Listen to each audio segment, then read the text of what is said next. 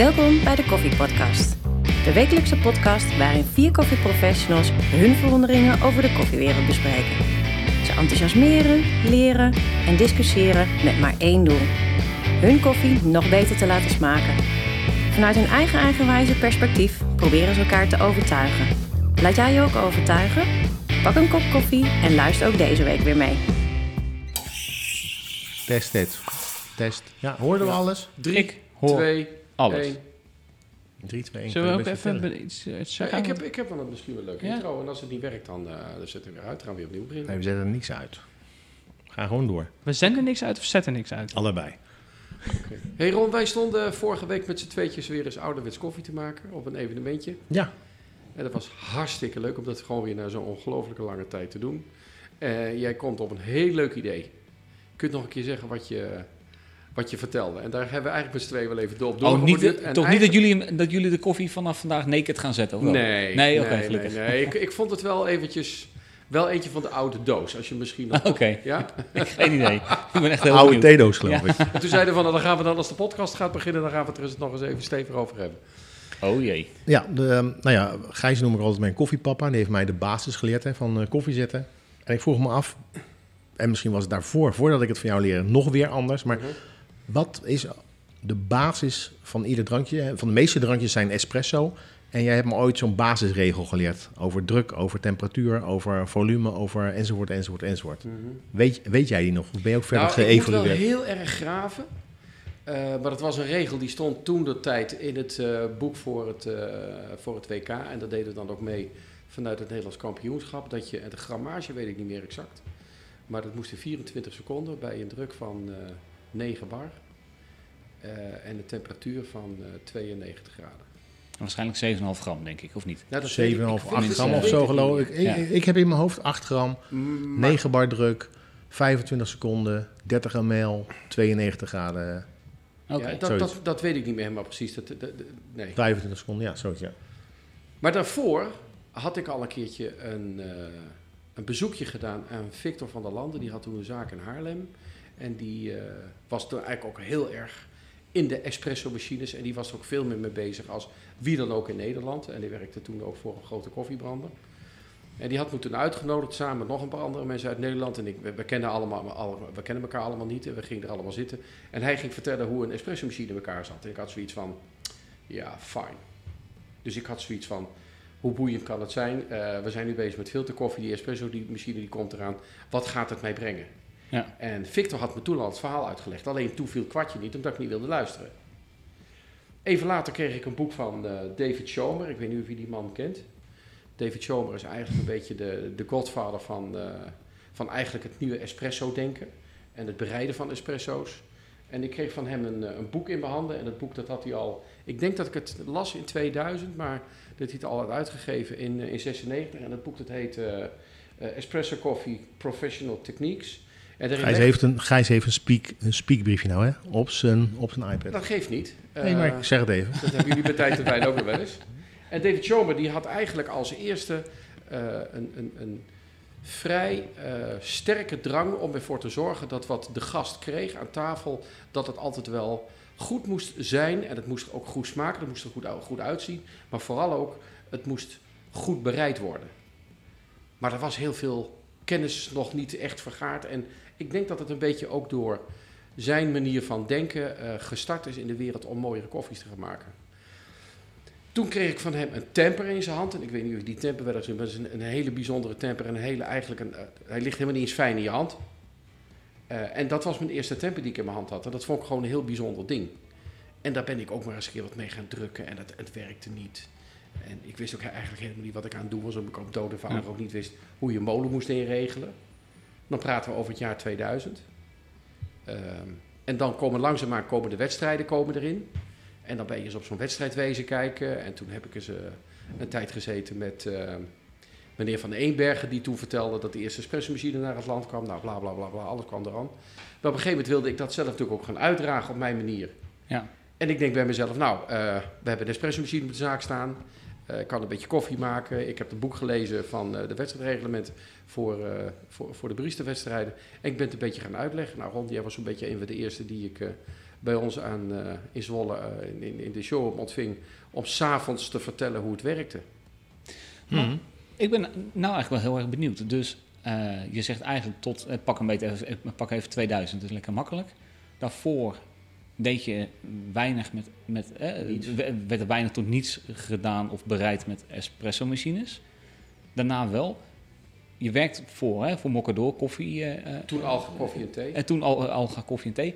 Hoe hebben zij dan die transitie gemaakt? Want waar, hoe hebben zij dan de keuze gemaakt? Uh, Waar moet die koffie naar smaken? Wat is de juiste kwaliteit? Hoe, hoe beoordelen we dan een espresso? Kan je daar iets meer over vertellen? Napraten.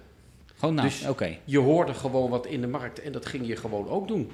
Ging Maar wie is, wie is dan in de Nederlandse markt de voorloper? Of was er een voorbeeld dat iedereen dacht, nou daar lopen we achteraan? Eh, ik denk dat meneer Van Eenberg wel, eh, eh, wel er een draai aan gegeven. Die man die moet gewoon alle credits geven voor de espresso techniek in Nederland. Ja.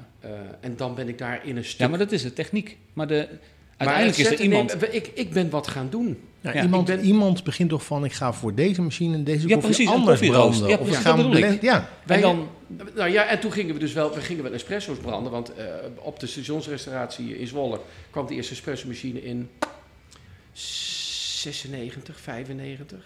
Bij meneer Van het Hogen. En die had een espresso, dus we moesten espresso koffie gaan roosteren. ja, En hoe deden we dat dan? gewoon langer in de... Nou, nee, het ging twee keer door de machine heen. Oké, Dus, ja. eh, Oh, dat heb je een keer verteld. Ja, de dat- dubbel... eh, dat- tot, tot de first crack en dan Ja. gooide hij hem eruit en dan ging hij er weer de hele serie erin. Ja. Dus we deden maar wat en dan zag het er donker eruit en dan was het wel oké. ja, En dan ging je daarmee naar eh, je afnemers toe die dan een espresso machine kochten, want we verkochten ze zelf niet eens. nee. En we gingen eh, maar wat doen. En ja, wat wist je? Je had een bakje en iedereen eh, had 14 gram in het bakje zitten. En de concurrent die deed 13,6 en die deed het met 12,5. Ja. Eh, met allemaal met dezelfde bakjes of met heel verschillende bakjes. Ja. Je wist niet wat je deed. En er moest er in ieder geval altijd gewone koffie meegezet worden. En die espresso die hing er maar een beetje bij. Ja. Cappuccino's maken, dat was gewoon opgeklopte melk met veel bellen en cacao erop. Ja. Zo begon het. Maar toen wij begonnen met het, het lesgeven, en tenminste ik begon vanuit mijn fanatisme mensen te vertellen hoe je misschien wel een espresso koffie eh, moest maken en bereiden. En ook cappuccino ging maken. Eh, ja, ik had dus wat gehoord van die en ik had dus wat gehoord van die. Dus wat, wat deed je? je? Je drukte aan met 25 kilo. Ja. Nou, we weten allemaal wel dat dat toch wel een beetje Ja. achterhaald is. Ja, dat, dat, dat is de vraag. Hè. Wat was het? Het was vroeger 7, g- nou, 25 kilo druk inderdaad, 9, 9 bar, nou, al die andere dingen. Maar die 7 gram of 8 gram is al meer naar bijna 10 of daarover over Ja, bezig. Maar wat, wat was, vroeger kon je ook nog tikken hè, met je temper tegen de porterfilter. Want je tikte dan, hè, want je, je drukt een keer aan, dan tik je met de kont van de temper op de rand van de, van de porterfilter. Ja, of met gewoon een temperkant. Geen idee waarom, maar Ja, je Jawel, het iedereen om, doen. Om die korreltjes weer in het midden te krijgen, die Ja, maar- loslagen. Maar dan nog, je deed het maar omdat je het ook niet precies wist. Nee, omdat je het geleerd had. En dus ging je dan tikken. Nou, en dan zet je hem in de groep en dan zet je de groep aan. En dan wel weer heel veel handeling. Hetzelfde dat je wel moest flushen. Ik bedoel, dat is allemaal met nu nog steeds Ja. gelijk. Eh, maar naarmate de tijd vorderde, gingen we ook ons grammage vergroten. Ja. En gingen we ontdekken dat je dan betere koffies kreeg. Dat was onder invloed van de wedstrijden. Want dat hoorde je dan. En dat was ook iets wat je... Ja, is grammage verhogen niet gewoon vanuit de markt? Ik kan me ook voorstellen als ik een koffiebrander zou zijn.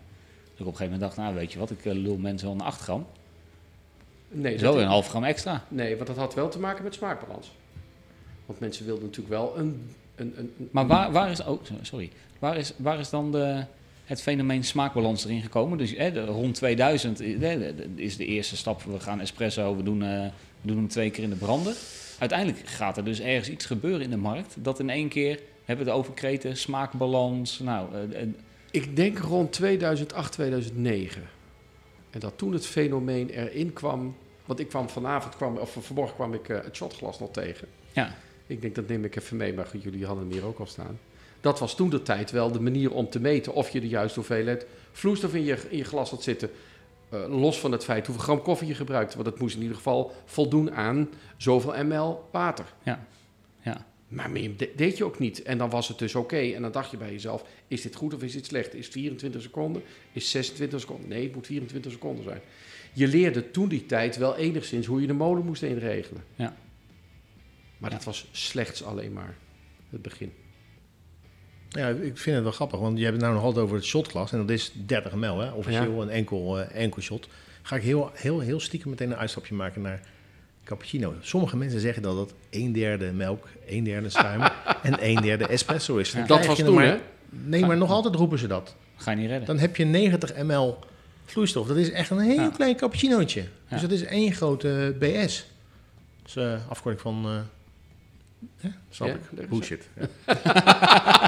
Ja. jullie zitten echt te kijken, jullie doen niet mee, hè? Kom op jongens. Jawel, Nee, jawel. we maar- gewoon kijken of jij eruit Dat was, dat was wat erbij hoorde. En dan had je natuurlijk tijdens de wedstrijden wel allerlei toetjes eh, gemaakt. Want je moest vier espresso's maken, vier cappuccino's en vier toetjes. Want zo zie ik dat nu, wat ze toen allemaal maakten. Want er werd van alles ingegooid. En er werd niet echt gekeken naar wat nou precies smaakbalans was. En de juryleden waren het ook al helemaal niet naar. Ik mocht het ook een aantal jaren doen. Maar ja, als je dan zag hoeveel tijd die jongelui er allemaal in staken. En Mm. jij daar dan inderdaad met een blaadje voor je wat punten gaf. Dat was natuurlijk slecht. Maar eh, hoe moeilijk het is geweest om de, de cappuccino bij de mensen erin te krijgen. Want toen werd de cappuccino ook heel heet geserveerd. Kon ook niet anders, hè, want je wist niet hoe je melk moest opschuimen. Badwater met schuim krijg je dan. Goh. En dan nog steeds waren er mensen die dan per se cacao erop wilden hebben. Tot wanneer heeft dat geduurd? 2010? 2011? Ik heb het niet meer geleerd van jou. 2010.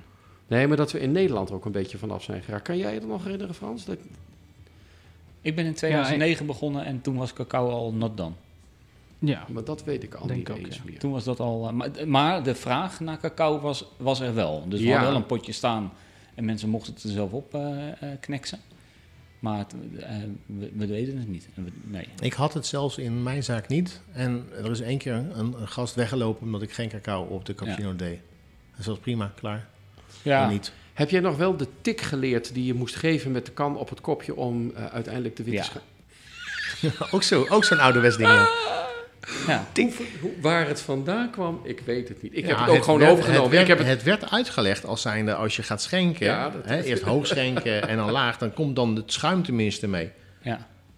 Maar Ja, nee, dat- dat is in zekere zin toch ook zo? Nee, je, kunt- Ja? je, hoeft niet, je hoeft niet te tikken. Nee, dat is een ander verhaal. Maar Nee, als je een dus- tik geeft, krijg je wel schuim. Nee, want Ja. als, je, als je het, als je, dat ligt aan hoe je het kannetje houdt. Als je Ja. het kannetje niet naar voren hebt en je tikt, komt er ook geen schuim Nee, dat snap ik. Maar als je in, aan het inschenken bent en je geeft die tik, dan krijg je die beweging, waardoor er... Ik denk dat op dat moment jij ook je kannetje op het juiste Nee, maar dat is hetzelfde. kantelt. Dus of je kantelt het of je geeft die tik. Het is gewoon een Pavlov-reactie. Dus het moment dat je de tik hoort, dan kantel je je kan. Ik Nou, heb geen idee. Ik, ik eh, denk dat het eerder te maken heeft met het feit dat een kan die je op de rand van het kopje laat rusten, een andere beweging maakt, waardoor de schuim eigenlijk meegaat, dus het bovenste gedeelte, de oppervlakte van, eh, van wat er in de kan zit, meekomt, als dat je hem boven het kopje laat hangen.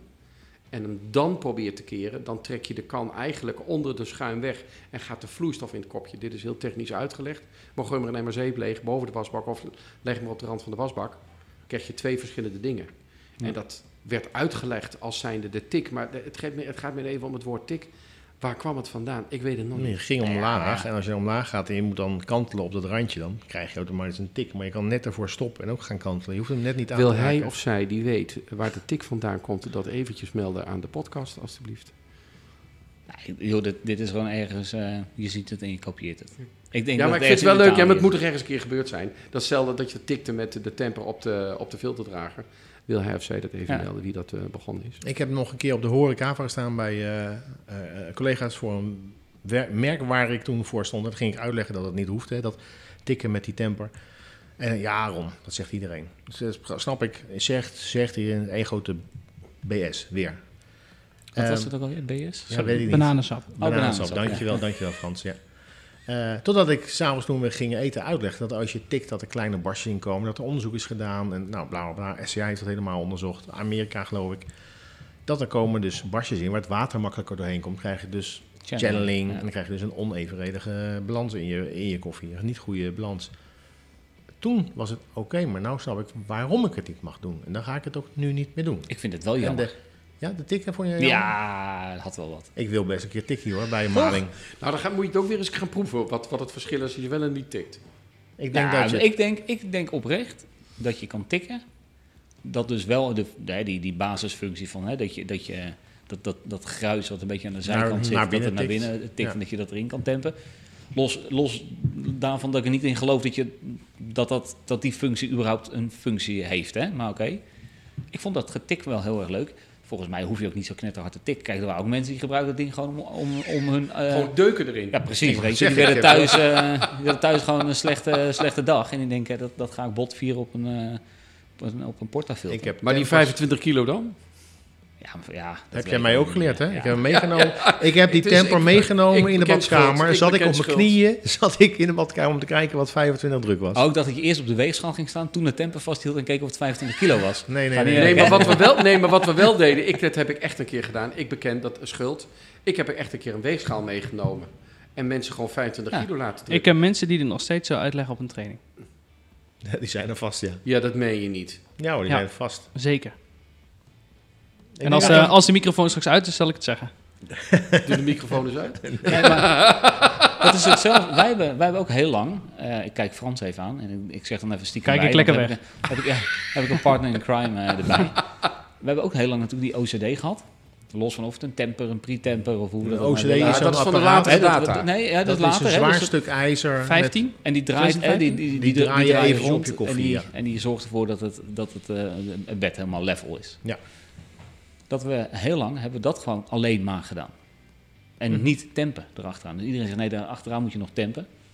Dat had gewoon nul, nul effect. Wat was jouw ondervinding? Dat nul dat- effect, zeg je Dat nul effect had. Ja, nul effect, ja. Want er komt met een megakracht water uit die zetgroep. Ja. Daar kan ik niet eens, die, die 25 kilo is, dat valt erbij niet. Volgens mij heb ik het nog een keer uitgerekend in een van de eerste koffiepodcasts. 200, Ja. 251 kilo of zo aan druk komt er uit een zetgroep. Als je het omrekent. Ja, dus die 25 kilo die je, die je erop duwt is niks. Als die maar level is. Maar dan zou je dus ook kunnen levelen zonder te tempen, zonder te OCD. Ja, maar met die OCD duw je natuurlijk wel de koffie een klein beetje in. Hè? Dus ja, maar dat zou ik dus ook niet hoeven dus. Ja, dat weet ik niet. Dat heb ik, Ik, ik, heb, ik, ik heb wel eens hier zo Fijne beneden- malen, toch? Nou, hoeft niet Ja, eens. niet. Ja, ik, ik, is heb hier, ik heb hier wel eens een keer van, een paar weken geleden geloof ik, ik denk, nou ik was aan het malen, was eventjes rustig. Ik, dan ben ik altijd aan het malen in mijn hoofd, Ja. maar ik bedoel nou even koffie malen. En ik denk, ik doe hem een keer niet en doe hem er zo onder. Hij loopt er, niet, hij loopt er net zo makkelijk, Ja. net zomaar uit. Dus Ik prima denk dat het wel anders drinken. smaakt, denk ik. Ja, dat toen, ja, toen heb ik het ook niet ver, vergeleken, maar Ik denk dat het wel iets anders smaakt. Ja, maar ik denk als je het niet had geweten... had je Dat het, je gewoon, het niet nee, had proeft. je het niet proeft. Dat En het, ook, en je niet is voor de Z-groep, denk ik. Ja, dat is weer wat anders. Die zetgeboer natuurlijk hartstikke smeren. Ja. De zetgroep Ja, is er wel gebouwd om het wel zo te doen dat je niet hoeft te tempen. In- in- bij, in- zo, woorden man. In Italië, ik ben een paar keer daar geweest. Ook gewoon een ros, bam, de ronde en aanzetten. Nou, tempen is bijna level hoor. Dus even je aandruk heel licht, Ja, alles maar een beetje recht Ja. te hebben en dan, ja. Ja, als ze dat al doen. Ik heb het ook al eh, flop de ronde gas geven. Maar we hadden het net over het shotglas. Wanneer zijn we gestopt met het shotglas? Ik niet. Wanneer ben je ermee begonnen, Ron? Nou, toen ik, eh, toen ik eh, 2010 van Gijs... eh, Maar jij Want we hebben hem hier niet Maar staan. jij gebruikt het nog steeds, maar nou ja, ik Wanneer- gebruik hem wel eens. wanneer... eh, Ik weet nog dat, dat ik in de voorbereiding van de wedstrijd in 2009, dat was nog echt een ding. Het was echt een ding. Ik, toen hadden we nog absoluut geen weegschalen met de wedstrijden, maar toen was het echt... Ja, je moet een proefshot, zetten. Gwellem Davis, die legde dat toch uit, of niet? Nee, want hij was in 2010 toch wereldkampioen. Dus ik denk dat hij... Hij was toen bij ons. Toen, heet hij te- toen begon hij dus uit te leggen op basis van receptuur en zegt donderd dat shotglas weg. En, Oh ja. Ja, dat klopt. Ja, boven bij Dat was, door, hij- ja. ja, was hij bij ons boven, ja. En toen, begon hij, en toen hadden we zoiets van, hè? Weet je dat nog? Ja. Dat, dat we echt, toen hij weg was, dat we zoiets hadden van, nee. Niet dat dat shotglas toen aan de kant op gegooid, maar daarmee is wel het anders denken in eh espressobereiding wel voor mij in ieder geval gestart. Eh, en daarmee eigenlijk wel het, het shotglas uit het oog is verdwenen, los van het feit of het klopt of niet. Maar dat is wel gebeurd. Terwijl het shot, shotglas nog altijd aangeeft hoeveel ml, dus hoeveel volume je hebt. Nou, ik vind een weegschaal echt ideaal. Maar goed. Ik ja, denk om te wegen, niet om volume te eh, zien. Dat kan je niet in doen, hè. Dat is twee verschillende dingen. Ja, dat snap ik zelf ook nog wel, ja. Nee, maar het, het- ja, het is gewoon geëvalueerd. Dus ik vind het heel fijn. Ja. Maar je weet wel de grammage, maar je weet niet de, het volume. Dat, dat maakt je dan minder uit. Nou ja, ja, Om, ik, luister, ik heb het gehoord. Hè. Ik heb het geleerd van Gijs, 30 ml. Ja, maar jij- volgens mij, ik, ik zie geen jij barista meer een shotglas gebruiken, hoor. Ik, sorry, de, de Ja, maar laatste... dat, dat zegt me ook niet zoveel. nee, nee, maar ik, ik, heel zie ze veel- niet, hoor. Ik zie heel veel baristas ook dingen doen waarvan ik denk, nou, als we daar eens even heel kritisch naar gaan kijken, dan... eh, Dan zijn we dus in de ik, duur- zie, ik zie heel veel baristas melk ook niet meer eh, verwarmen. Die maken een beetje schuim en die rossen het op je, op je eh, espresso en op je koude cappuccino. Dus dat veel mensen het niet doen, is voor mij niet de, per definitie de, de, de, de, de maatstaf. Ik- Maar over welke temperatuur heb je het dan als het erop rossen? Zit Nou, het dan beneden de 40? Nou, ik, ik, eh, ook daar ga ik geen namen en rugnummers eh, nee, maar zit het dan beneden de 40 graden? Ja, beneden de 40 is echt koud. Maar eh, ik, ik, ik heb laatst een cappuccino gekregen waarvan ik denk dat nou 55 graden, het zal maximaal zijn. Nee, dat kan niet. Dat kan, dat kan, Nee, eh, dat is echt- die zou ik mooi teruggeven. Die, die zou ik ook wel terug. Die heb je toch, Nee, maar dan, die heb nee, toch nee, nee, teruggegeven, maar toch? dan, dan, wordt er ook nog eens uitgelegd. Dus dan sta ik toevallig bij een uitleg richting een andere gast. Dat die zegt, nee, melk mag je maar opschuimen tot 62 graden. Dan denk ik, oké. Nou, Ja, want? want? Leg eens even uit. Eh, krijg je dan? Nee, ik, ik vroeg het niet. Nee, want hij was het aan het uitleggen bij iemand anders. Hè? En ik Oh. ga daar niet op, eh, Nee. weet je, dat ik het toevallig hoor. Kom ik ook nog toevallig uit die rare melkindustrie. Dan denk ik, jongens, we, we zitten nu dingen te verzinnen met z'n allen die gewoon niet waar zijn. Maar dat is napraten. Eigenlijk hoe Gijs begonnen is met... Hè, Ja, Mokkedor 100%. begonnen Maar dat is ook niet- is iedere keer, iedereen ik- blijft iedereen Dat is, ook, dat is ook niet erg. Hè? Dus je moet het ook leren. En je moet het ook. En nogmaals, ik, ik eh, pretendeer helemaal niet dat datgene wat ik zeg, dat dat klopt. Sterker nog, afgelopen week een soort aha-erlevenis tussen, tussen. Ik kijk Ron even aan. Tussen Ron en mij. Dat ik toch echt gewassen koffie een heel ander proces in mijn hoofd had zitten dan Ron. Ehm, hè, dus, dus ook dat is natuurlijk eh, napraten. Dus waar je het ook vandaan hebt of waar je het ook van, En waar zaten de verschillen? Ja, daar kunnen we het zo meteen een keer over hebben. Ja, daar gaan we dan over. Oh. Maar het gaat erom dat je, dat je, nee, maar dat je dan kritisch blijft. Van joh, oké, wacht even. Maar je Eh, staat kritisch naar elkaar. Jij zegt dat en ik heb wat anders Ja. geleerd. Hey, maar hoe zit het dan en waar staat en hoe? Nou, dan ga je... Maar ik bedoel, iedereen heeft ook blinde vlekken. Dus Ja. je hoort iets. Dus ik heb ooit iets gehoord, twaalf Ja. jaar terug. Dat heeft bij mij hè, een zaadje geplant in mijn hoofd. Dat is mijn waarheid geworden. En alles wat niet past bij die waarheid, is weg. eh, eh, zie ik misschien niet, of lees ik niet, of ervaar ik niet. Totdat er in één keer een soort volstop. Dat Ron, dat Ron iets zegt en dat ik iets zeg. En dat we zo haaks, nou niet haaks op elkaar, maar even een andere... Het zat niet op één lijn. We zaten niet op één Nee. lijn. En dat je dan denkt, oh, wacht even. eh, waar, waar, waar komt mijn waarheid nou eigenlijk vandaan? Hm. En dat is dan ook nog in een hoek, hè, de, theoretische, of de, ja, wat, wat, hè, wat je vroeger natuurlijk meer onder de theorie schade Hm. dan onder iets wat je elke dag doet. Dus maar eh, Gijs is uiteindelijk mijn blinde vlek. Die, is, die heeft mij eh, elf jaar geleden wat verteld. Met allerlei blinde vlekken. Nou, Gijs, koffie? ja, lekker man. Als je ons volgt op Podbean of Spotify, dan ontvang je direct een bericht als er een nieuwe aflevering online staat.